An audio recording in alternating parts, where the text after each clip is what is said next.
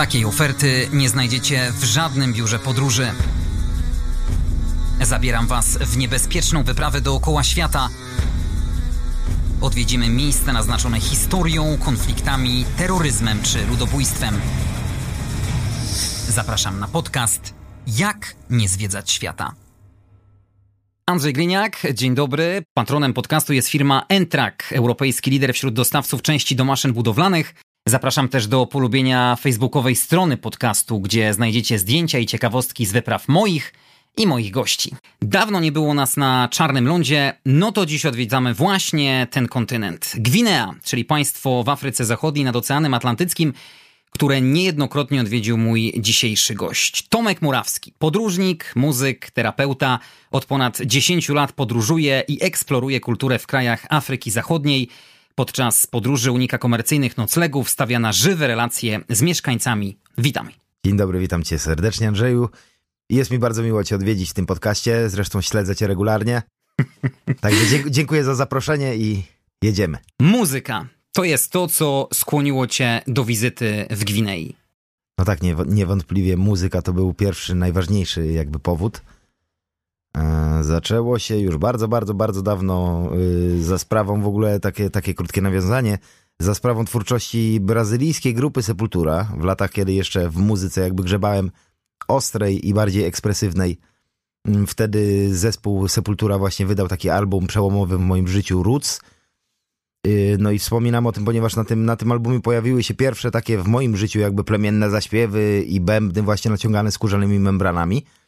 Y, ten proces jakby zanim zacząłem grać na bębnach, no to kilka lat minęło, ale ja już wtedy czułem, że chcę mieć coś z tym, z tym wspólnego.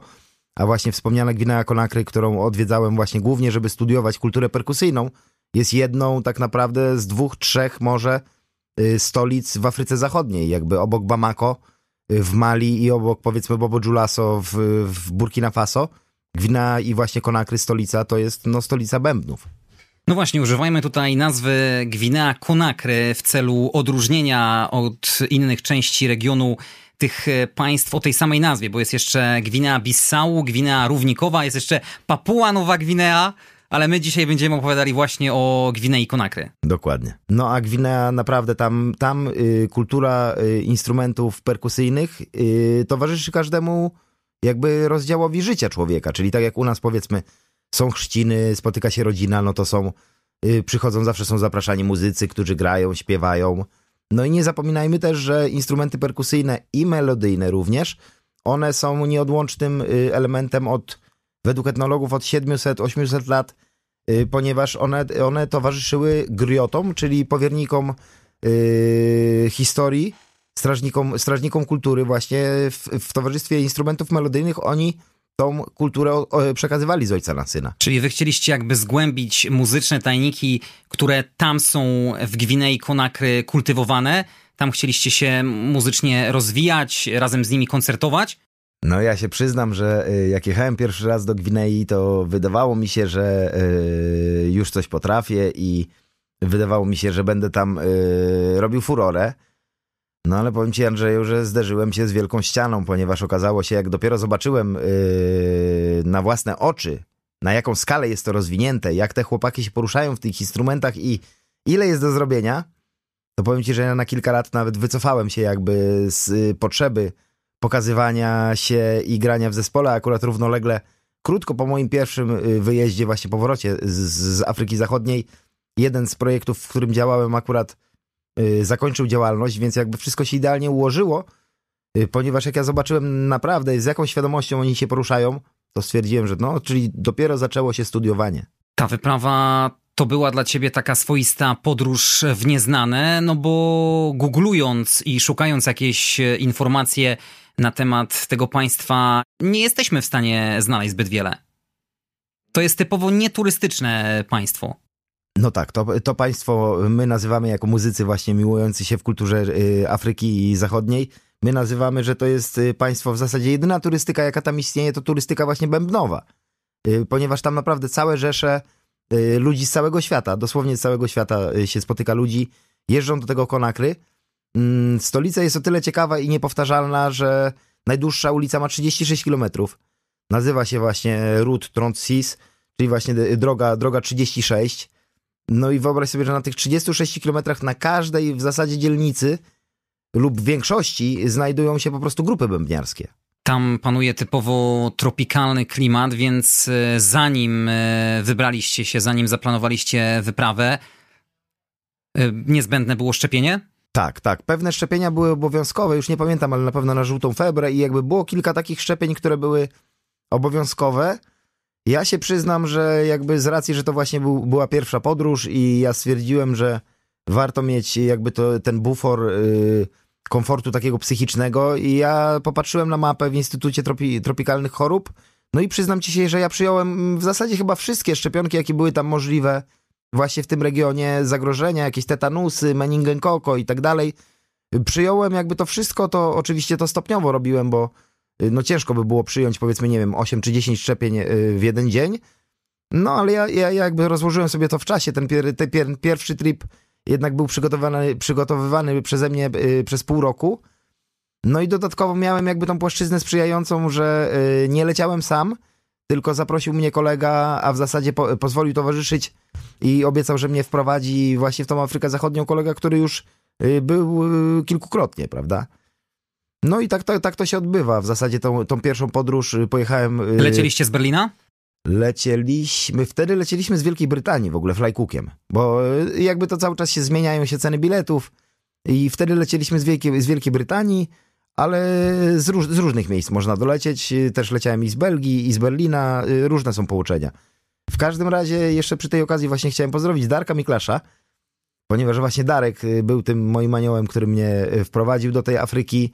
On naprawdę sporo energii włożył w to, żeby też y, mnie jakby yy, uprzedzić o powiedzmy tam warunkach kulturowych, co robić, czego nie robić. Zresztą troszkę jak u ciebie w programie właśnie i też tem, tym chciałbym się też podzielić. Także pozdrowienia dla, dla Darka Miklasza. Zresztą gramy teraz w zespole Afrotuba razem, także Darku, pozdrawiam cię. To jakie rady ci się przydały?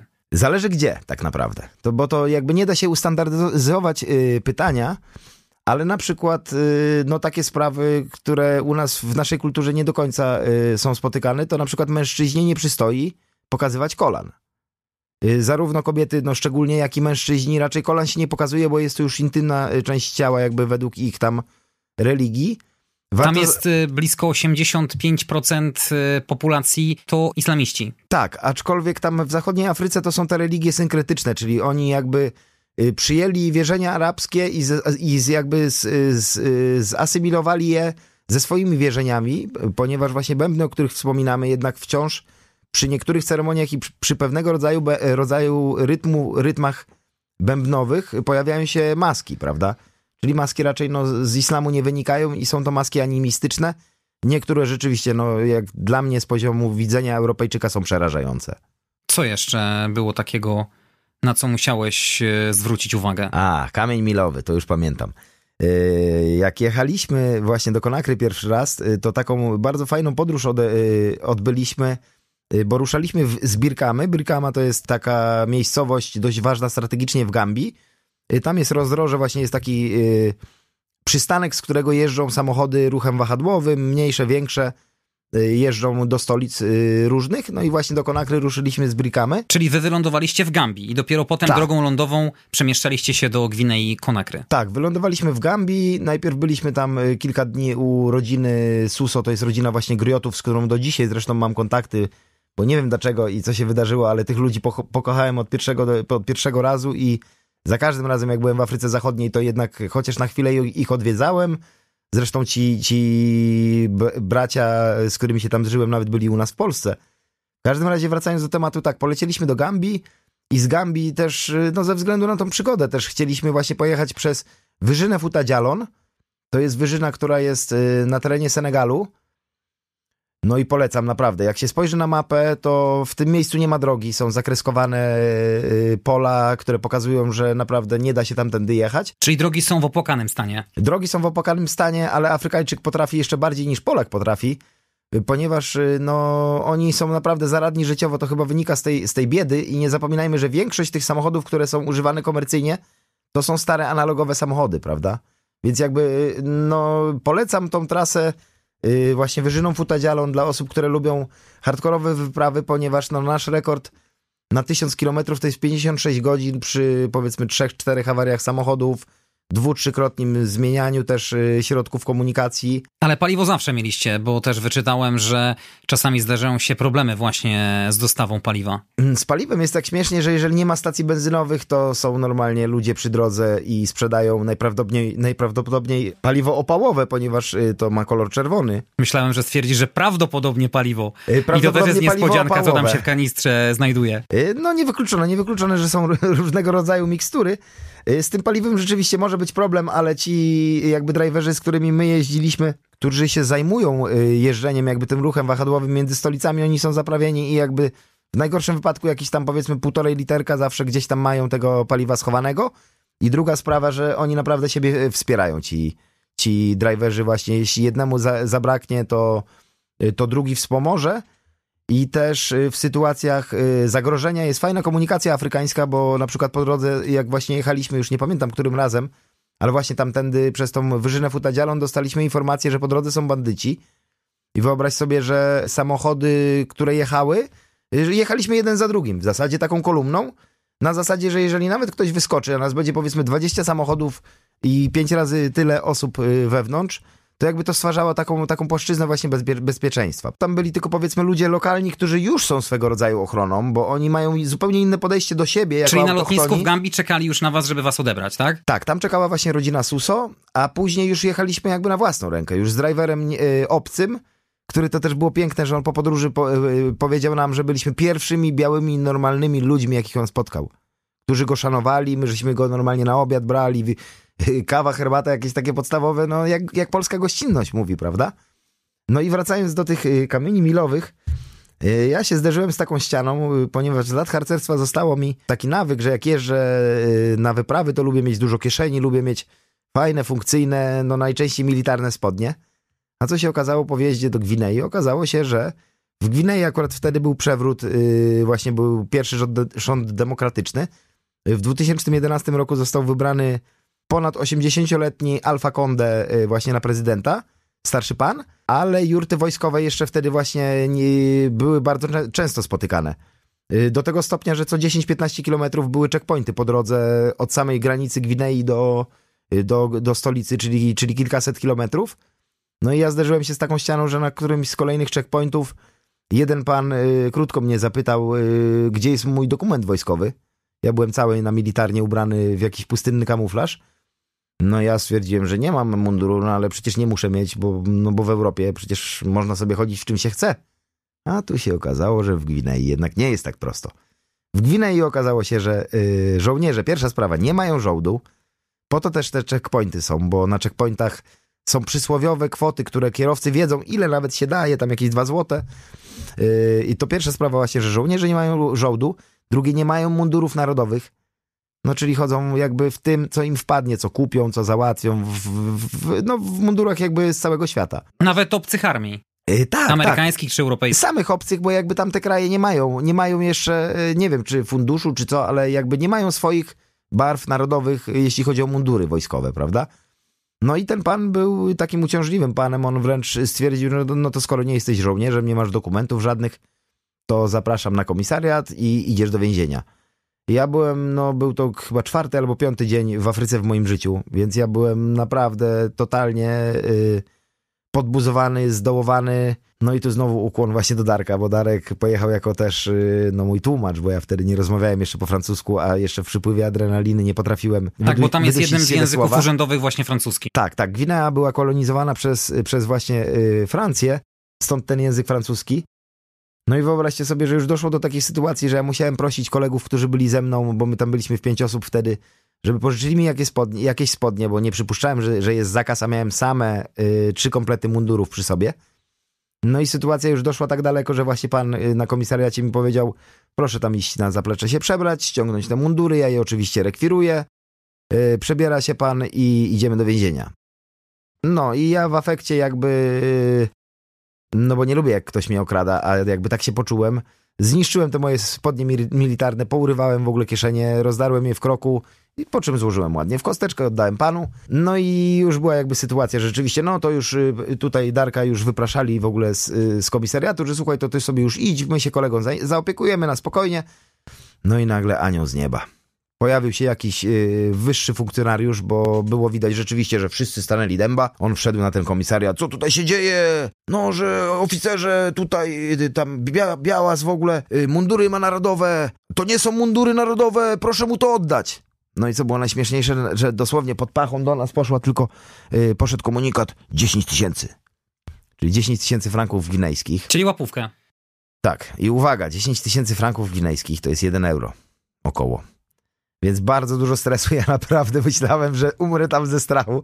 Skończyło się na łapówce 10 tysięcy franków gwinejskich, czyli 1 euro, a mundury dostałem z powrotem, które sobie zniszczyłem. Co było naj, e, najpiękniejsze z tymi mundurami, jest takie przysłowie wśród nas podróżników, że Afryka jest bardzo sprawiedliwym takim kontynentem, tam dużo rzeczy energetycznie się samo rozwiązuje. I wyobraź sobie, że ja któregoś razu, właśnie y, już będąc w Konakry, mm, u swojego jakby krawca, z którym się zaprzyjaźniłem, który mi szył ciuchy na miarę, no bo to fajny luksus, pojechać sobie, wiesz, szyć, y, szyć, szyć sobie ciuszki, yy, wiesz, pod swój rozmiar. Ja dałem w ogóle te mundury porozrywane właśnie temu panu yy, któregoś razu, dorzuciłem mu do zamówienia i co było najlepsze, jak go spytałem o cenę, on mi powiedział, nie, to gratis, ty u mnie tyle kupujesz. A Darek co powiedział? Afryka rozdarła, Afryka zszyła. No i trochę tak było. Trochę tak było, także przestrzegam, kochani, do krajów, w których nie jesteśmy pewni, nawet w Gambii. Nie jest to mile widziane, żebyśmy my jako biali chodzili na militarnie, no bo trzeba mieć do tego jakąś podstawę. Najprawdopodobniej mundur harcerski mógłby być alibi. Ja wam się przyznam, że troszkę ich przechytrzyłem, bo miałem jedną taką kurtkę, na której bardzo mi zależało. Yy, to była taka no duża kurtka y, z podszewkami, z kapturem i tak dalej. I ja ją w afekcie i jakby w, y, jako manifest i jako taka pamiątka, ja ją obszyłem kolorowymi materiałami. I już później ci żołnierze troszeczkę głupieli, bo widzieli, że mam z jednej strony mam plamy militarne, a z drugiej strony tu jakiś napis Gwinea, tu jakaś naszywka, tu jakieś, y, nie wiem, ślaczki kolorowe, na plecach jakaś wielka gwiazda afrykańska. No także, także z tymi mundurami, no to, to rzeczywiście przegiąłem, był to dla mnie kamień milowy. Ja myślę, że to też wynika z tego, że w krajach afrykańskich w bardzo wielu jest tak nieustabilizowana sytuacja polityczna, te wszystkie partyzantki, rebelianci, że oni tak naprawdę też nie wiedzą, kto przez te checkpointy przejeżdża ubrany w mundur, tak naprawdę, czy nie ma jakichś złych intencji. Dokładnie, najprawdopodobniej o to chodzi, bo, rzeczywiście w, w, w Gwinei nadal sytuacja nie jest, nie jest yy zbyt różowa. Konakry y, no, jest wielką stolicą, więc nie można powiedzieć, jak globalnie to wygląda w skali całej stolicy, ale tak jak zaobserwowałem, to są dzielnice powiedzmy bardziej yy, niebezpieczne i są dzielnice mniej niebezpieczne. No w Gwinei cały czas jest gorąco, tym bardziej, że we wrześniu ubiegłego roku doszło do zamachu stanu, więc sytuacja jest napięta. Granica lądowa w tym państwie jest yy, zamknięta. No tak, i taki mały przeciek, tylko że yy, nie jest jakoś najstraszniej, bo ekipa z Warszawy, tu pozdrawiam też całą ekipę i Wiolę i Anikę i tak dalej, jeśli ktoś mnie słyszy, właśnie w tej chwili jest y, cała delegacja y, naszych muzyków, y, głównie z Warszawy. I no, jakby oni tam już pojechali w przetarte miejsca, jakby do, do, do, do ludzi, których mamy już zaufanych i sprawdzonych. Czyli no rzeczywiście, może rzeczywiście jest jakiś przewrót, ale jestem pewien, że ci muzycy, którzy tam dbają o naszych rodaków, yy, zainstalowali ich tak, że, że wszystko jest bezpiecznie. Jak jeszcze nieprzyjemne rzeczy mogą na nas czyhać e, w Gwinei Konakry? Mm, szczególnie w takich y, obszarach y, komercyjnych właśnie, czyli y, okolice jakichś tam targowisk i i takich e, powiedzmy lokalizacji turystycznych e, kręcą się zawsze e, autochtoni, którzy często są tak wystylizowani, że jak, jak ja, ja na przykład z autopsji, jak pojechałem pierwszy raz do, do Afryki Zachodniej, jeszcze miałem wtedy wielki turban dreadów i jakby utożsamiałem się z kulturą rasta mm, i właśnie ci wystylizowani rastamani się pojawiają, Tutaj nie chcę wrzucać do jednego, broń Boże, worka, ale właśnie w tych y, turystycznie obleganych i miejscach i na targowiskach są tacy ludzie, tacy łowcy okazji i oni często y, oferują właśnie na przykład marihuanę. W zasadzie to jest chyba jedyna używka, z jaką się spotkałem, y, jaką kultywują Afrykanie, no i oprócz orzeszków kola. Y, I przy czym właśnie, jak ja jechałem jako Rastaman, tam mnie się wydawało, że o, Jamajka, wszyscy będą mieli dredy, że będą sobie y, popalać y, papieroski Bob Marleya, jak to oni nazywają na ulicy, a to niestety, tak jak u nas, y, niestety, stety, tak jak u nas y, jest to w każdym kraju, w jakim byłem, y, jest to temat tabu, jest rzeczywiście y, Nielegalne. nielegalna. Y, No i właśnie wracając do tematu tych żołnierzy, policjantów, którzy nie mają żołdu, oni naprawdę szukają pretekstów i w momencie, kiedy z takim rastamanem gdzieś pójdziesz zapalić, to czasami nawet można paść ofiarą czegoś takiego, że no, on- oni cię wystawią nawet na policji, prawda? A Afrykanie właśnie tak jak obserwowałem chłopaków, którzy popalali na terenie powiedzmy naszego y, y, domowstwa, tam ogrodzonego murem, oni są tak mocno nauczeni y, obserwacji natury, że nawet jak palą te papieroski Boba Marleya, to y, zawsze patrzą jak wieje wiatr, bo mówią, słuchaj, wiatr wieje źle, nie możemy tutaj palić, bo wywieje zaraz na ulicę, a będzie szedł jakiś żołnierz czy policjant, to od razu przyjdzie do nas, bo będzie chciał łapówę. Więc jakby przestrzegam, y, żeby jednak no, nie pakować się, nie pakować się y, w, w, w konsumowanie y, tych używek gdzieś przypadkowo, no bo można naprawdę nabawić się problemów, a w Gambii na przykład kiedyś jedną koleżankę złapali, jak paliła sobie w krzakach na lotnisku, to pan powiedział, że y, 2,5 tysiąca złotych musi zapłacić. Chciało jej anulować bilet, bo to było akurat przed naszym wylotem y, z, z Afryki Zachodniej. Y, No i naprawdę y, wtedy sytuację uratowało tylko to, że pojawił się przypadkiem, ale ja mówię znowu, anioł, y, kolega, którego ja znałem, pojawił się na lotnisku i rozwiązał całą sytuację. Także no lepiej, lepiej uważać po prostu na te używki. No i tyle. Gdzie się zatrzymaliście? Gdzie spaliście podczas y, waszego pobytu? Ja się przyznam, że ja w ogóle nie jestem taki hotelowy, nawet w Europie nie przepadam z za nocowaniem yy, w hotelach. Oczywiście przy okazji grania koncertów się to zdarza, ale w Afryce ja nie, nie, nie czułbym w ogóle fanu, gdybym, gdybym miał gdzieś chodzić, coś wynajmować.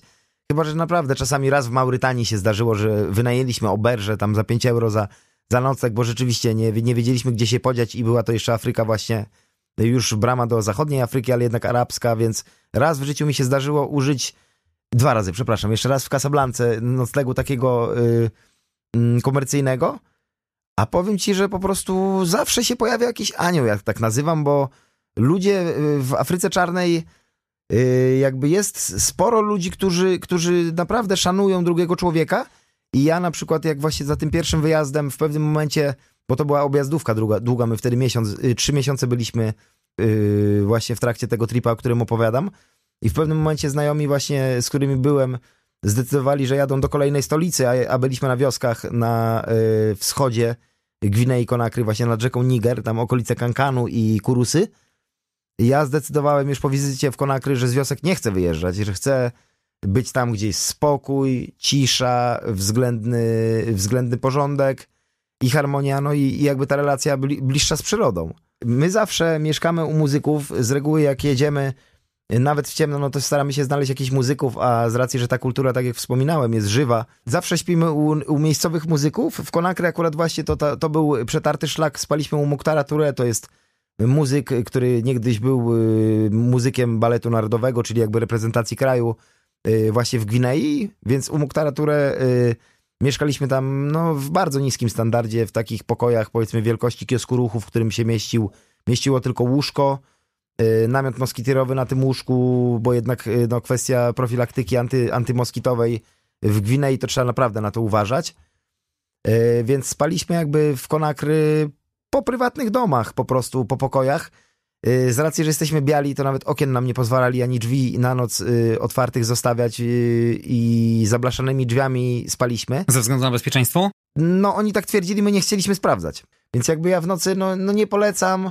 Parę razy się wyluzowałem, ale to zawsze polecam mieć jednak jakiegokolwiek, chociaż jednego lokalnego człowieka, któremu ufasz, bo tak jak już mówiłem, oni mają zupełnie inny stosunek między sobą do siebie. Jeżeli jesteś już w towarzystwie kogoś, to to już jest jakiś sygnał, że ty jesteś, no powiedzmy, potrzebny tej społeczności. Bo gdyby nie turystyka bębnowa, ja nie wiem, czy Gwinea by dała radę funkcjonować. I naprawdę, no chłopaki mają ciężko tam, jak była wiadoma sytuacja globalna się rozpoczęła, to naprawdę ja musiałem aż nie logować się na Messengerze, bo y, tak duża ilość y, bardziej ludzi, z którymi coś przeżyłem lub nawet ludzi, z którymi tylko wymieniłem się kontaktami, każdy prosił o pomoc. I jakby, no dla porównania właśnie, w, tym, w tej lokalizacji, w której spaliśmy, któregoś razu jeden ze znajomych, i to paradoksalnie Afrykańczyk, tylko z Gambii, który był z nami, yy, zaprosiliśmy z kolegą go na, na wyjazd, on kiedyś nie, y, y, nieostrożnie zapomniał ściągnąć prania na noc, rano nie było już niczego. Także no niewykluczone, że skoro... Czyli musiałeś mu swój mundur pożyczyć. No ja po prostu... Jeden z wielu. Ja po prostu mu jakieś pieniążki dałem, żeby sobie coś kupił i jakby tak wyszliśmy, wybrnęliśmy z tej, z tej sytuacji. Ale odpowiadając na twoje pytanie, no niewykluczone, że, że mogłoby się coś wydarzyć, bo naprawdę bieda jest taka, że nie da się nawet tego opowiedzieć. Naprawdę, jak załóżmy, jak ludzie handlują na targowisku załóżmy warzywami czy owocami, to na przykład wszystkie kobiety sprzedają to samo. Jeśli nie mają rzeczy z importu jakiś, to sprzedają to samo, na co jest sezon aktualnie, prawda? Więc jakby no jest bardzo hardkorowo i wyobraź sobie, że my dzięki temu mieliśmy wielką dyscyplinę. 12 w nocy spać, 6.30 budzik, kąpiel, kawka, śniadanko i na warsztaty, prawda? Bo to nawet... Ale ciepła woda była dostępna? Nie, tam nawet ciepła woda nie jest potrzebna. Wiesz, tam... Yy, tam Kupały. Wo tam woda jakby ta, która leci z kranu czy z pompy jest już w takiej temperaturze, że właśnie, że przy upale, który masz w słońcu 70 stopni około, bo tam, yy, tam są takie temperatury, no to wiadro zimnej wody to jest błogosławieństwo, prawda? Zostawialiście im jakieś e, pieniądze za to, że u nich spaliście? Nie, no jakby wiesz, to y, te, te wszystkie nasze relacje po tych już pięciu podróżach kilkumiesięcznych, to mam wręcz taką teorię, że zresztą to w życiu tak jest, że przepływ energii powinien być, prawda? Więc y, no oni nam dają gościnę. Ja nawet na chwilę obecną y, już tak się staram, no chyba, że nie mam, ale tak się staram, że nawet jeżeli ktoś ode mnie nie wymaga pieniędzy, to staram się zawsze coś dać. No i właśnie te miejsca, w które my jeździmy, to są miejsca już, które są komercyjnie zorganizowane. Niektórzy ludzie, nawet z tego co słyszałem ze znajomych, dostają, y, wiesz, wynajęte chaty z klimatyzacją, z basenami i tak dalej. No ale jak, jakby wiadomo, to jest też jakby coś kosztem czegoś. A wracając do tematu, jakby, że spaliśmy w różnych miejscach. Na wioskach spaliśmy w glinianych, okrągłych domach o średnicy powiedzmy, powiedzmy, nie wiem, 3-4 metrów. Co było takie charakterystyczne dla takiej wioski w Gwinei Konakry? Oprócz tego, że wspominałeś, że ta straszna bieda... Y, jedna z... Y, właśnie powiem ci, że paradoksalnie na tej wiosce aż tak nie czuć tej biedy. Ponieważ na wiosce y, ci ludzie żyją troszkę na takim minimalu. Jakby nie widać tej konsumpcji, y, jest ciężko w ogóle tak naprawdę. Nie mają takich wymagań jak ludzie z miasta. Tak, nie ma nawet za dużo sklepów, nawet jeżeli są jakieś sklepy, to tam są jakieś najbardziej potrzebne rzeczy. A jakby na, na wioskach największym szokiem na przykład dla mnie co było, y, mieliśmy salę prób w takim domku zbudowanym z pustaków i tam przykrytym blachą falistą i między tymi pustakami a blachą falistą tam było, nie wiem, z, z pół metra przerwy. Ta, ta, ta y, sala prób była nad rzeką Niger i wyobraź sobie z racji, że my jeździ, jeździmy właśnie w tym czasie, mniej więcej grudzień, styczeń, luty, co w tej chwili mamy, tam jest wtedy pora sucha. Wyobraź sobie, że rzekę Niger, jedną z największych y, w Afryce, przechodziliśmy po pas. Tam dosłownie 5 metrów w linii pionowej y, spada poziom rzeki, co jakby wpływa na to, że jest bardziej yy, bezpiecznie, bo chłopacy gwarantowali, yy, czego ja nie byłem do końca pewien, ale gwarantowali, że hipopotamów i krokodyli nie spotkamy. Bo mówią, wszystkie uciekły, bo tu jest za mało wody i one popłynęły w górę rzeki, tam gdzie jest więcej wody. Także to pierwszy szok. Drugi szok, yy, raz właśnie jak już przyjaciele wyjechali do Bamako, ja sobie poszedłem wzdłuż, wzdłuż rzeki Niger, żeby spotkać miejsce, w którym druga rzeka wpływa y, do, do Nigru, bo widziałem już jedną rzekę i drugą i stwierdziłem, tym razem pójdę sobie wzdłuż rzeki i znajdę miejsce po prostu, jak one się spotykają. No i najpierw szedłem sobie taką dróżką, powiedzmy polną, wśród wysokich traw, kilka kilometrów. W pewnym momencie, no już tak, yy, miejąc tą świadomość też, no i choćby harcerz się we mnie odezwał, że jakby, no kurczę, jestem gdzieś na obcym kontynencie, to był drugi miesiąc pobytu, więc jakby miałem świadomość, że no może mnie coś jednak spotkać nietypowego. Y, po jakby kilku kilometrach y, spaceru tą sawanną już moja wyobraźnia chyba też każdy szmer tam wychwycała i wychwycała ja już stwierdziłem nie. Panie Boże, ja idę w takim razie do koryta rzeki, bo tam y, no naprawdę ta rzeka widać było po korycie wyschniętym, że ona normalnie ma szerokości kilkadziesiąt metrów, a w tym momencie ma kilka. Więc stwierdziłem, dobrze, w korycie rzeki będzie bezpiecznie, mogę, jakby szedłem dosłownie po środku sawanny, po, po środku rzeki samym piachem, no i w pewnym momencie pamiętam, widzę już na horyzoncie zakręt, yy, który na mapie widziałem, jak wcześniej patrzyłem. Yy, właśnie zakręt, który już miał mnie doprowadzić prawie do tej drugiej rzeki, do tego yy, kulminacyjnego miejsca, po co się wybierałem. I nagle za tego zakrętu wypłynęło kanu, a lokalni ludzie bardzo się tam cieszą. Jak widzą białego, to wręcz płyną i chcą rozmawiać, mimo że nawet się czasami nie da, bo oni też często po francusku nie rozmawiają. Naj, najczęściej to są też ludzie, którzy są też analfabetami. I wyobraźcie sobie, że yy, ci, ci entuzjaści właśnie w tym kanu zaczęli zmierzać właśnie do brzegu. Ja też zmierzyłem azymut w stronę rzeki i w pewnym momencie już byliśmy gdzieś w odległości 20-30 metrów od siebie. Oni zeskoczyli na, na brzeg i zamiast się ze mną przywitać, zaczęli skakać i krzyczeć i uciekli do tego kanu. Wyobraźcie sobie, ja dopiero się spostrzegłem, że tam było miliony mrówek.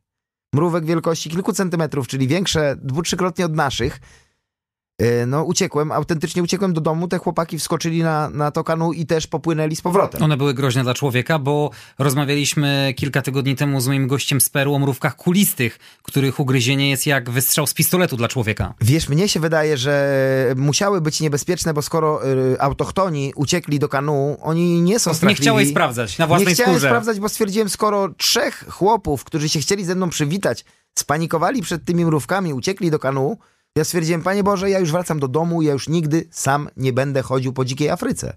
I naprawdę tego też wam polecam, y, jakby przestrzegać takie y, środki higieny. No, z drugiej historii na przykład byłem raz, bo ja mieszkałem w domu Kowala y, u, u, w Gwinei i nie bez powodu bez Kowala, ponieważ z racji, że Kowal zarządza stalą, że tak można powiedzieć, to Kowal jest producentem wszelkich narzędzi. I też w Gwinei to jest wszystko tak y, mocno y, ukompleksowane, że Kowal nie dość, że robi narzędzia, to tymi narzędziami robi instrumenty najczęściej. No i dlatego my właśnie u takiego wy wylądowaliśmy pana, który nie dość, że nas uczył grać na bębnach, to jeszcze właśnie warsztat ku y, kuźniczy tam prowadził. Kowal zresztą jest bardzo po po poważany w wiosce, bo robi moździerze, właśnie narzędzia i, i proste różne snycerskie sprawy, czy jakieś noże kuje. I wyobraźcie sobie, że pojechaliśmy raz do buszu, z nundziarą y, ściąć drzewo mahoniowe. On tam wypatrzył jakieś y, uschnięte stare drzewo, bo oni też jakby starają się y, z tą świadomością jakby taką do Matki Ziemi postępować i nie tną y, żywych drzew, tylko wynajdują sobie wcześniej suche drzewo zdatne do tego. No i to było najlepsze, bo ja sobie chodziłem gdzieś tam nundziara z chłopakami rąbali w ogóle to drzewo, a ja sobie chodziłem, robiłem sobie zdjęcia, tu modliszkę, spotkałem tu coś tam i nagle będąc pod żywym mahoniem, spostrzegłem się, że jestem, mm, jakby, że z góry spadają na mnie mrówki jakieś skrzydlate. No i ja już spanikowany biegnę tam do nundziary, mówię, nundziara, sekwasa w ogóle, on mówi, a, sase na rumba. Mówi to jakiś tam, jakiś tam insekt yy, lokalny. No i takich sytuacji miałem właśnie kilka, które mi uzmysłowiły, nie jestem w stanie sobie wymyślić, co w Afryce Zachodniej mnie może czekać. A jakieś inne dzikie zwierzęta? Miałeś spotkanie twarzą w twarz? Twarzą w twarz nie miałem, ale dlatego też polecam futadzialon, bo y, będąc czujnym, nie śpiąc po drodze, zresztą ciężko jest spać, bo tam naprawdę są takie wyboje, że co chwilę się budzisz i uderzasz o szyby czy o innych ludzi. Zresztą w takim podstawowym samochodzie osobowym 7 osób się około mieści, nie 5. Y, jakby z drążkiem y, między nogami biegów to jest standardowe miejsce, ono pewnie troszeczkę mniej kosztuje, ale też się tak jeździ. I właśnie dlatego polecam to futadzialon, że widziałem raz, mieliśmy taką sytuację, że wybiegł nam przed, przed naszym samochodem centralnie, wybiegł, mały jakiś, nie wiem, czy serwal, czy likaon, coś na kształt leoparda, ale takiego mniejszego, wielkości powiedzmy takiego większego kota. I on biegł przez kilkaset metrów przed nami, nie?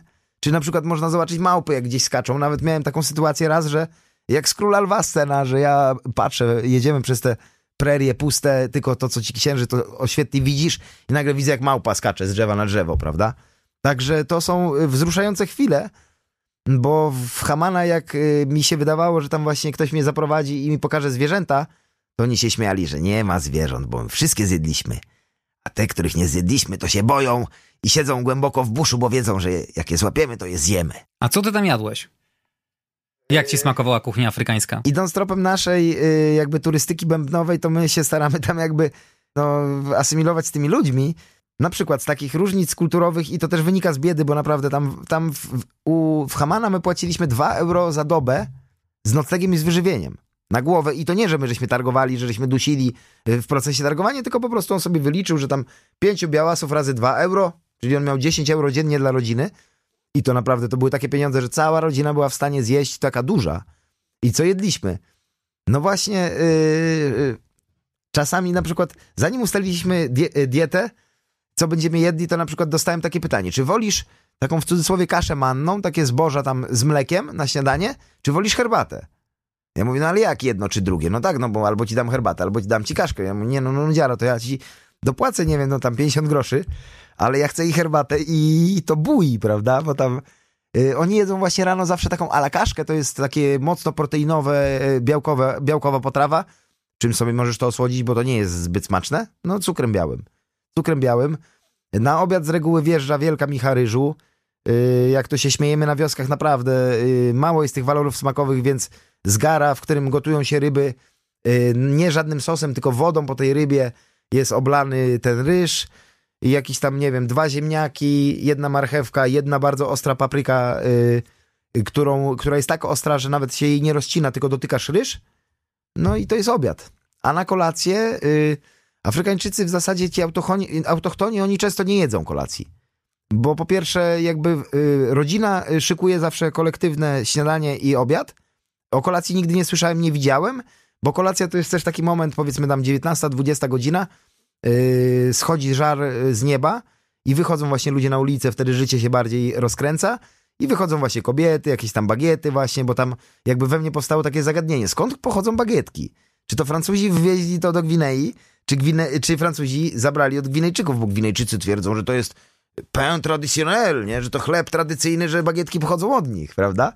Więc bagiety jakby, a my, pamiętam, była taka Fatumata, bardzo miła pani tam na wiosce, która miała koszulkę ze swoją podobizną, ktoś jej w prezencie dał koszulkę ze zdjęciem y, jej i z napisem Fatumata Kamara.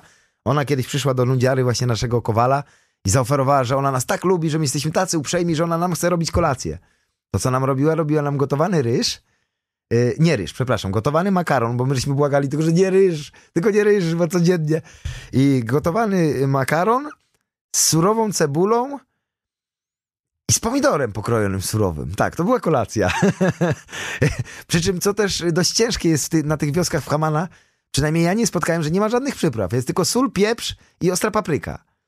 Więc jakby no troszkę taka nuda. Y, powiem wam, że nasz konsumpcjonizm europejski ginie i w momencie, kiedy zajedziesz do miasta i wypijesz yy, no nie będę mówił y, marki może yy, napoju, ale komercyjny napój koloru czerwonego etykietka, który jest na całym świecie, to naprawdę czujesz się, twoje endorfiny rosną i, i naprawdę tak się czujesz, jakbyś tutaj szampana z najwyższej półki wypił.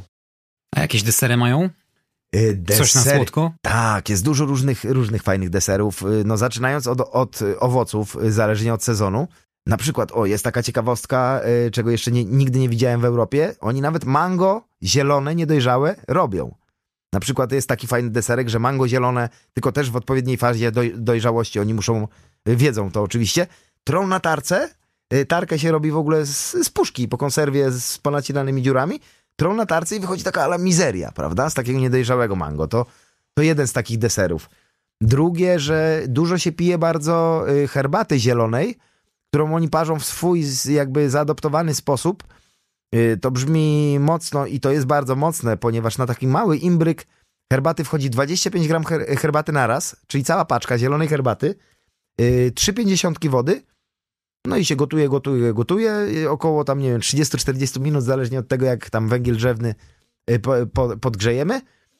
I po, po jakimś dłuższym czasie właśnie wsypuje się filiżankę cukru, no i później to widać często w filmach też przelewają właśnie, czyli to jest bicie piany, przetwarzanie glukozy i taka jakby przyspieszona fermentacja, no to to jest też jeden z deserów. Y, z ciekawostek na przykład w Afryce dużo, y, nie bardzo się marnuje jedzenie, więc czy jak czasami mają zeschnięty chleb, nie wiem do końca jak oni to robią, bo nie widziałem, ale robią coś takiego, że takie ala suchary mieszają z masłem orzechowym. I to się kani nazywa bodajże, czy jakoś tak. I to też jest znakomite, bo to jest takie masło orzechowe, ale w takim takim smakołyku, czy na przykład robią sok z hibiskusa, który się nazywa łądzio albo bisap. Y, to fajne właśnie, bo oni w woreczkach y, robią, y, robią całe wiadro tego soku. Kobiety tam z, z kostkami lodu to chłodzą i później chochlą nalewają to do woreczków, takich jak za dawnych czasów za komuny, jak były orężatki. I na ulicy właśnie można taki kupić sok z, z, z hibiskusa, czy sok z pomarańczy, albo wywar z, ten, wyciąg z imbira takiego tartego. Także no naprawdę takich naturalnych rzeczy można tam fajnie pojeść. O, jeszcze z takich y, nowości już bardziej komercyjnych, akurat w Gambii, ale zjadłem najlepsze masło orzechowe na świecie. Ono miało 65% y, nerkowca w sobie, plus jakieś chyba 10 czy 15% pudru z baobabu i dopiero jakaś tam czekolada i odrobinę cukru. Także no, nie trzeba, nie trzeba do końca chodzić do sklepu, tylko warto właśnie polecam wnikać w tą kulturę lokalną. A, i jedna rzecz. Ktoś kiedyś mi powiedział za pierwszym razem, nie jedz na ulicy, bo jest brudno i bo ty jesteś biały i tak dalej. No i ja rzeczywiście za pierwszym wyjazdem to troszkę się tego trzymałem. Nawet do tego stopnia, że jeszcze jak wtedy jadłem mięso, to ja miałem uraz do tego mięsa, bo no mam nawet zdjęcia, gdzie pan, który smaży szaszłyczki, jego cała noga jest w tysiącu much. Dosłownie, że te muchy wszędzie latają. Ja już w pewnym momencie się otworzyłem na to, ale dosłownie jak kupowałem takiego szaszłyczka, to mu mówiłem, on miał już gotowe, że mówiłem, słuchaj, jeszcze na minutę na ogień i biorę, nie? I, I do czego zmierzam, że za pierwszym razem uległem rzeczywiście i też jakby, no ja miałem wielkie problemy mentalne ze sobą, yy, też dużo tam się spraw moich takich osobistych procesów się rozpoczęło i za pierwszym tripem uległem tego, temu, a za drugim wyjazdem, jak już samemu byłem ja już byłem yy, szefem wyprawy i zaprosiłem swoich przyjaciół, tak jak mnie wcześniej zaprosił Darek, to ktoś mi powiedział, ale Tomek, zobacz, u nas jest taka bieda. Widziałeś gdzieś lodówkę? No widziałem, ale nie działające. Widzisz, my nie mamy lodówek. Dlatego nie bój się nigdy jeść na ulicy, bo my wszystko mamy świeże. Jeżeli się nie zje, to y, biedny sąsiad zje. Jeżeli nie biedny sąsiad, to zje kolega sąsiada, albo psy, kozy, czyli jakby w Afryce bardzo mało rzeczy się marnuje. I wyobraźcie sobie, że ja od tamtego momentu, jak to usłyszałem, otworzyłem się na lokalne specyfiki i naprawdę oprócz standardowej aklimatyzacji żołądkowej nie miałem nigdy żadnych konwulsji. Także polecam, polecam lokalnych przysmaków. No z ciekawostek akurat tutaj nie polecam. Mięso z małpy przypadkiem zjadłem. Dowiedziałem się, że to jest małpa po dziwnej konsystencji, no i później pani powiedziała, yy, czy no nie wiem, wielbłąda też próbowałem, też jakby no nie do końca yy, jest to smakowite, nawet jeżeli się jest mięs mięsożercą. No także, także polecam, polecam eksperymentować, ale zarazem też mieć troszeczkę jednak dystans. Ale oprócz tej egzotyki kulinarnej, o której teraz wspominałeś, było coś, co zdziwiło cię, jeśli chodzi o mentalność ludzi w Gwinei Konakry? No właśnie, jak się dowiedziałem, że nie można kolan pokazywać, bo jakby w mieście się raczej nikt do ciebie nie doczepi, bo jest taki przemiał ludzi jakby w tej stolicy, a jeszcze właśnie my za pierwszym wyjazdem mieszkaliśmy dosłownie na przyległej ścianie do największego targowiska w Afryce Zachodniej. Ono się nazywa Madina, bodajże, żebym nie przekręcił nazwy, ale to mniejsza o to. W każdym razie mieszkaliśmy przy największym targowisku i jakby tam yy, nikt, nikt się do mnie nie, nie, nie, nie uprzykrzał i nie zwracał mi uwagi, ale co mnie zdziwiło kulturowo, jak yy, już w tym czasie, kiedy zostałem samemu na wioskach, poszedłem sobie z dwoma wiadrami wody, yy, jednym na pranie, jednym do opukiwania ciała, poszedłem sobie do okrągłego domku, tylko mniejszego rozmiaru yy, się wykąpać. No i wykąpałem się, wyprałem sobie skarpetki, wyprałem sobie majtki, wziąłem sobie ciuszki, wrzuciłem do wiaderka i przepasałem się ręcznikiem. No i dosłownie miałem, nie wiem, no 50 metrów do domu. Nagle kobiety się zbiegły, zaczęły coś krzyczeć w ogóle na mnie. Ja już czułem, że no coś jest nie tak, ale no idę sobie dalej. Poszedłem do tego, do tego nudziary już do domu się schować. Nagle nudziara przybiega, co ty robisz w ogóle? No ale co nudziara, przecież ja nic nie zrobiłem. No nie, no i właśnie on mi wtedy wytłumaczył, że nie, u nas nie przystoi. Mimo, że nawet na wioskach tam nikt slam alejkum nie mówi i, i jakby nie widziałem tego wpływu dużego yy, jakby muzułmanizmu, to oni jednak, tak jak chyba no, w, naszym, w naszej kulturze chyba też tak kiedyś było, że za bardzo ciała się nie pokazywało bez, bez powodu i on mi wytłumaczył, Tomek, tak samo mówi, nie ściągasz koszulki nigdy przy kobietach, no chyba, że w sprawach intymnych, y, jeden na jeden powiedzmy, mówi tak, obnażamy się tylko mężczyźni przy mężczyznach i jedyna osoba, która y, przystoi, której przystoi jest y, pokazać goły tors, y, nagi tors to jest y, karmiąca kobieta. Prawda? Także no, z takich kulturowych zdarzeń, no to na przykład to było dla mnie wielkim szokiem. Wspominasz o przedstawicielkach płci pięknej. Wy, jako biali mężczyźni, byliście dla nich e, swoistą przepustką do lepszego życia, czyli do Europy? No, niestety tak jest. Niestety tak jest, y, co jakby na mnie osobiście wpłynęło, że jakbym, jakby no przepiękne są te dziewczyny i jakby... I ta pokusa jest ogromna. Jest Tym bardziej, ogromna, że no... jak jedziesz jako singiel.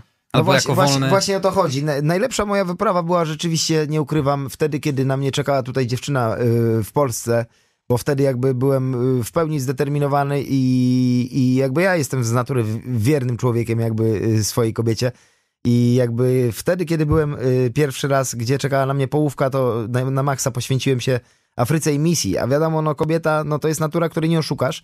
Ale jak już się po, pojawia kobieta, to już ten fokus jest mniejszy, wiesz, no trzeba też dla niej poświęcać czas, albo nie trzeba, tylko się chce.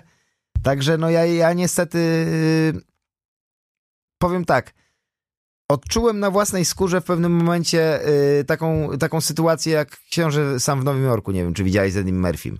Ja jak, któregoś razu w swoim życiu rzeczywiście zakochałem się w Afrykance, nawet jakby, no tam wszystko grało, ale w pewnym momencie okazało się, jak byliśmy na odległość, bo ja, ja, ja wtedy miałem jeszcze nadzieję, że tak tym pokieruję, że no jako biały człowiek jednak, no silny mężczyzna, młody, y, że będę w stanie ją sprowadzić tutaj, y, no stworzyć rodzinę i tak dalej. No troszkę wybiegłem w przyszłość jakby wtedy, będąc pod wpływem yy, uczucia.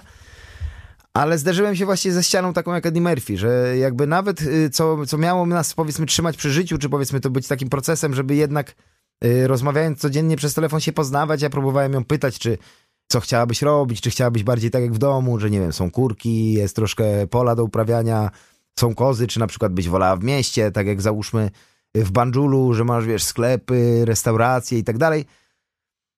Paradoksalnie ta kobieta za każdym razem odpowiadała: Ja będę tak jak ty chcesz, ja będę tam, gdzie ty chcesz, i jakby nie wykazywała żadnej inicjatywy.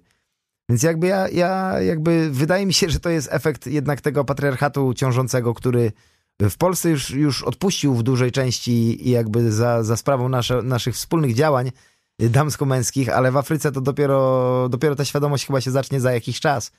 I ja z tego tytułu obiecałem sobie, aczkolwiek no nie zarzekam się, ale wolałbym już nie wchodzić w relacje jakby z Afrykankami, bo no bo co lata mijają, jakby jednak jakby yy, ja jako mężczyzna już, już, się, już się naprawdę mocno zrealizowałem w tej sferze i jakby wolałbym już budować coś z myślą o przyszłości, niż tylko przeżywać yy, spontaniczne przygody. Na wstępie podcastu, przedstawiając twoją osobę, podkreśliłem, że stawiasz na żywe relacje z lokalnymi mieszkańcami, na prozę życia. No właśnie, jak odebrałeś Gwinejczyków? Jest takie przysłowie też już chyba z Kapuścińskiego, ono wypłynęło, że każdy y, biały ma swojego czarnego, tak już kolorami, y, nomenklaturą takich kolorów operując. I rzeczywiście to jest fakt. Y, jest ciężko być w Afryce Zachodniej samemu, ponieważ no rzeczywiście my jesteśmy dla nich atrakcją. I no ja mam, ja mam większość, większość samego pozytywnego feedbacku, ponieważ z moich obserwacji Afrykańczycy najczęściej bywają uśmiechnięci, oni mają jakby tą Y, świadomość y, w swojej kulturze, wręcz już, już o tym rozmawiałem kilkakrotnie z, z mieszkańcami właśnie y, zachodniej Afryki. Oni mają świadomość, że życie nam sprowadza na nas różne wyzwania i oni raczej jednak w stronę tej serdeczności, gościnności i uśmiechu. I wręcz, nie wiem, przychodzisz do jakiegoś domu i wszyscy jedzą, no to wręcz jest prawie nie, nie, niedopuszczalne, żeby oni ci nie zaprosili, prawda? Zawsze jest, że zapraszają i wypada wręcz chociaż troszkę z nimi zjeść. Także no, feedback, feedback, feedback bardzo pozytywny. Ale jednak cały czas e, w tyle głowy pojawia się taki znak zapytania, czy ta ich serdeczność nie jest przypadkiem sztuczna albo spowodowana tym, że coś od nas mogą chcieć? W dużej części to się niestety sprawdza, co mówisz, że no często tak tutaj cię wypytują, niby chcą rozmawiać i często wychodzi rzeczywiście tak, że mówisz, słuchaj, I have to go, bro, I have no time, czy coś, no i on mówi, no ale słuchaj, no ale give me something. To niestety to tak brzmi yy, niefajnie, ale właśnie, taka droga, jaką polecam yy, w sytuacjach yy, właśnie, kiedy ktoś chce od nas pieniędzy, a my nie chcemy, na przykład w Gwinei, w której nie rozmawia się za dużo po angielsku, pani do mnie podchodzi i mówi, mista, mista, money, money. A ja do niej mówię, a, good morning, good morning. No, no, no, money, money. A, good morning, how I doing? No, no, no, money. I do czego zmierzam, że trzeba uśmiechem. Ja zauważyłem, że oni naprawdę bardzo dużo rzeczy y, rozwiązują uśmiechem i wręcz nawet w sytuacjach y, konfliktowych, kiedy często Afrykańczycy na naszych emocjach bazują, y, Załóżmy, bardzo szybka historia. Popłynęliśmy na, na wyspy właśnie te, o których wspominałem, u wybrzeży Konakry Y, ustaliliśmy jakąś kwotę przed wypłynięciem kanu. Żeby mieć pewność, że wrócą po nas, to zapłaciliśmy połowę kwoty.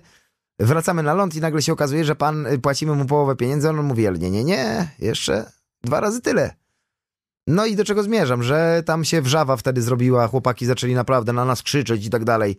No i ja pamiętam, że wtedy ja akurat zareagowałem, bo bardzo nie lubię cwaniactwa i zacząłem po prostu, obudziłem swojego lwa, krótko mówiąc, zacząłem krzyczeć na nich y, po polsku nawet, to też jest zresztą jedna z taktyk.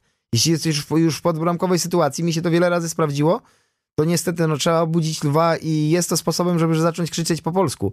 I do czego zmierzam, do czego chciałem nawiązać, że w momencie, kiedy ja zacząłem na tego pana, yy, wszedłem w jego energię, czyli jakby ta forma przekazu, jaką on nas próbował zmanipulować, ja wszedłem w to, oni w sekundę wszyscy pięciu, czy tam iluś, co było, hey my friend, that was a joke, no problem i tyle. Także no jednak ta droga tego uśmiechu tam jest yy, wszech, wszechobecna, ale no tak jak mówiłeś, właśnie trzeba, trzeba mieć do tego dystans, ale i tak polecam. Polecam się uśmiechać, bo to, to, jest, to jest jedyne, co my możemy w tym naszym ludzkim jestestwie robić, a jak życie nam przysparza problemów, to, to zachowajmy właśnie ten moment y, emocjonalny na naprawdę na, na potrzebę, kiedy, kiedy, kiedy będzie, będzie taka, się pojawi. Są jakieś miejsca w Gwinei Konakry warte polecenia? Mm, no zależy dla kogo. Na pewno jest takim fajnym y, czasem, żeby się odpiąć jednak, jak się nawet jest w tej zapowiedziałej stolicy, z racji właśnie, że Konakry jest wysuniętym takim cyplem w ocean i ono tam z wielu stron są różnego rodzaju porty, jest taki właśnie rarytas, że można popłynąć sobie na wyspy. Wynajmuje się tam jakieś kanu właśnie takim transportem zbiorowym, bo jakby wiadomo, że jeżeli załóżmy my jesteśmy w pięć osób i chcielibyśmy wynająć cały kanał, to płacimy potrójnie, a my nie lubimy jakby marnotrawić pieniędzy. Więc płynie się na wynajętym kanu właśnie takim transportem publicznym, ruchem wahadłowym, który pływa, płynie się na wyspy, no i tam można spędzić naprawdę fajny czas, bez tego brudu, smrodu, który jest w Konakry, Y, też autochtoni są y, nauczeni, że jak widzą białego, no to też wiedzą, że może im wpaść jakiś grosz. I Czyli też... uciekamy od miejskiego chaosu. Tak, tak. I można się wreszcie wykąpać. Wiesz, ja w Konakry osobiście, jak, jak byłem, y, nie widziałem plaży, z której da się zejść do oceanu. Naprawdę, jak byłem pierwszym razem właśnie w tym 11 roku, to wyobraź sobie, że, że u wybrzeży stolicy było za, zatopione około, nie wiem, 15 do 20 olbrzymich pasażerskich i transportowych statków. Więc nie wiem, jaką drogą, nie będę spekulował, ale tam te statki zostają zostawiane i zatapiają je u wybrzeży Konakry. To jest miasto portowe typowe. Tak, i, i właśnie to jest stąd to, to, moje nawiązanie, że najczęściej plaże u wybrzeży Konakry wyglądają po prostu, są za, za, zarzucone szlamem, takim jakiego no, w Polsce mówi się, że Bałtyk jest brudny, ale Bałtyk jest znakomity, porównując do, do plaży nad Oceanem Atlantyckim w Gwinei Konakry. Pora sucha trwająca od grudnia do maja to jest ten najbardziej optymalny okres y, do odwiedzin Gwinei Konakry? Tak, tak, bo tak jak właśnie tu wspomniałeś o maju, chłopaki mówią, bo ja jakby do maja nigdy nie zostałem, zawsze około kwietnia najpóźniej wracałem, bo chłopaki mówili, że y, nawet już nie pamiętam nazwy, bo za dawno nie byłem, ale maj nawet się tak nazywa, że wielkie słońce idzie, wiesz? U nich w języku mandinka właśnie się nazywa maj, także idzie wielkie słońce i od maja rzeczywiście się rozpędza około sierpnia no, zaczyna się pora deszczowa, czyli tam 2-3 miesiące leje non-stop. Poruszanie I... się po drogach jest bardzo chyba niebezpieczne. Y, nawet Te ulewne co, deszcze Nawet wyjście z domu jest, jest, jest y, upiorne. Ja za poprzednim tripem, bo ja, ja nie ukrywam, że z pewnymi osobami naprawdę mamy taką relację emocjonalną, że dzwonimy do siebie i rozmawiamy i, i jakby mamy kontakt, to z nauczycielem jednym wyobraź sobie, że oni mają progi do domów tak na wysokość powiedzmy 20 centymetrów, są podniesione drzwi, to mi nauczyciel pokazywał filmy, jak jego żona garkiem wy wypompowuje wodę z domu, a przez ten 20-centymetrowy próg i tak wlewa się woda do domu, nie? A jako ciekawostkę można powiedzieć, że stolica, czyli Konakry, jest najbardziej wilgotną stolicą świata z około 3,5 metrami deszczu rocznie. No nic dziwnego, bo y, z każdej strony ocean otacza, więc, więc to na pewno musi mieć konsekwencje swoje.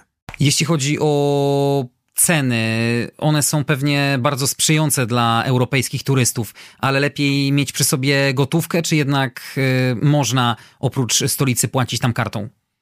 Zależy gdzie. Y, w Gwinei ostatni raz jak byłem w 15 roku, to 100 euro to było no, pół reklamówki kasy. 100 euro to było ponad milion franków gwinejskich, więc yy, pierwsza sprawa, wybrać 100 euro z bankomatu nie zawsze jest możliwe. Bo tam, tam w bankomatach, przynajmniej wtedy, bo wiadomo, wszystko się zmienia i, i bankierzy nie śpią i na pewno jest coraz więcej tych punktów, żeby wybrać pieniądze, ale w Gwinei jest normalne to, że stoisz w bankomacie, ktoś wybiera pieniądze i nagle y, podchodzi twoja kolej i nagle się okazuje, nie ma pieniędzy, wychodzi ochraniarz i mówi, słuchajcie, możecie iść do domu, bo pieniędzy dzisiaj nie będzie. Więc jakby, no polecam karty, Mm, nie będę może konkretnych marek y, reklamował, bo nikt mi za to nie zapłacił, ale polecam, polecam y, internetowe y, banki, które są kantorami takimi online, na nich można najlepiej zyskać. Te slogany, którymi się firmy wydające te karty reklamują, że nie ma żadnych kosztów, to tylko was ostrzegam, że to nie istnieje. Bo jakby firmy, które dają nam kartę która jest na cały świat, która jest, y, nie, nie będzie dodatkowych opłat, to rzeczywiście od firmy, która daje nam kartę, nie ma dodatkowych opłat, ale zawsze lokalne bankomaty ciągną od nas y, prowizję.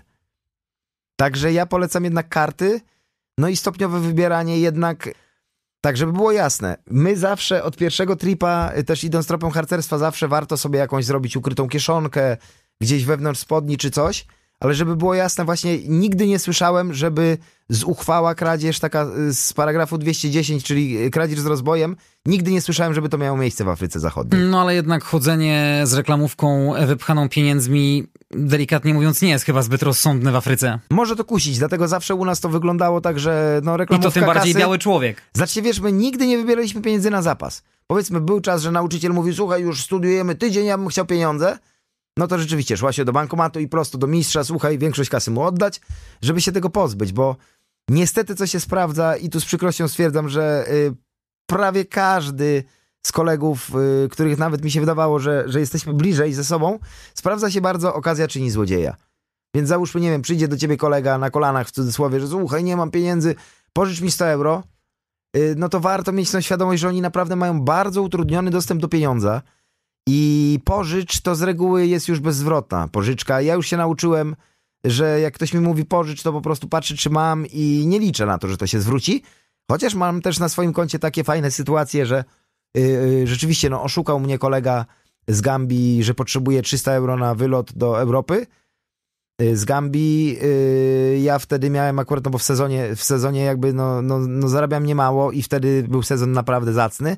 Ja pożyczyłem mu te 300 euro no co później się okazało, że on nigdy nie poleciał do tej Gambii, ale z racji... Do Europy. Yy, tak, do tej Europy. Yy, co najlepsze, że ja już czułem to w kościach tydzień przed wylotem, że coś jest nie tak, jakoś to mi śmierdziało, że on jednak nie poleci, ale był na tyle honorowy i jeszcze jego brat najstarszy, który, bo wiadomo, że starszy brat jakby jest odpowiedzialny za młodszego brata, tam jest taka, taka jednak yy, niepisana y, hierarchia i zasada, to wyobraź sobie, że on przez miesiąc czasu mnie nauczał za darmo, a jeżeli on nie miał czasu, to jego brat przychodził mnie nauczać. Bo ja powiedziałem, słuchaj, ja, ja nie zrobiłem ci prezentu. 350 euro w Polsce to też jest, no nie mało pieniędzy. Wiadomo, że on tam mógł pewnie pół roku za to żyć, ale jednak no pieniądze z nieba nie kapią. Ja o tyle się cieszę że właśnie, że ten, ten, ten mój ulubiony, zresztą już nie będę ukrywał, właśnie Ansumana, który mnie oszukał z tymi, z tymi euro, on rzeczywiście je odpracował, przy czym naprawdę zyskał w moich oczach. Yy, no i cieszę się z tego bardzo. Myślę, że w ogóle za jakiś czas znowu się spotkamy. Zresztą chłopaki wybierają się kwietniu do Europy, więc jak tylko dostanę datę, datę, y, kiedy oni lądują w Danii, bo tam mają taki y, zespół swój sobie założyli y, ze studentami szkoły jazzowej, jak tylko dostanę datę, kiedy chłopaki będą w Gambii, to przyłożę wszelkie starania, żeby pokazać ich we Wrocławiu i wraz z zespołem Afrotuba jak Bóg da, żeby zagrać kolejne koncerty. Tomek Murawski, podróżnik, muzyk, terapeuta, opowiadał nam o Gwinei Konakry. Dziękuję bardzo za wizytę. Dziękuję bardzo. Sukcesów i podróżniczych, i tych muzycznych. Dziękuję bardzo i nawzajem, Andrzeju, i powodzonka w, ty, w, twoich, w twoich realizacjach. Będę wiernie śledził i lajkował i proponował też dalej. A my słyszymy się w kolejnym podcaście już za tydzień w poniedziałek po godzinie 20. Zapraszam tradycyjnie na facebookową stronę Jak nie zwiedzać świata. Tam znajdziecie zdjęcia i ciekawe opisy z wycieczki między innymi Tomka właśnie do Gwinei Konakry. Andrzej Gliniak, pozdrawiam. Do usłyszenia.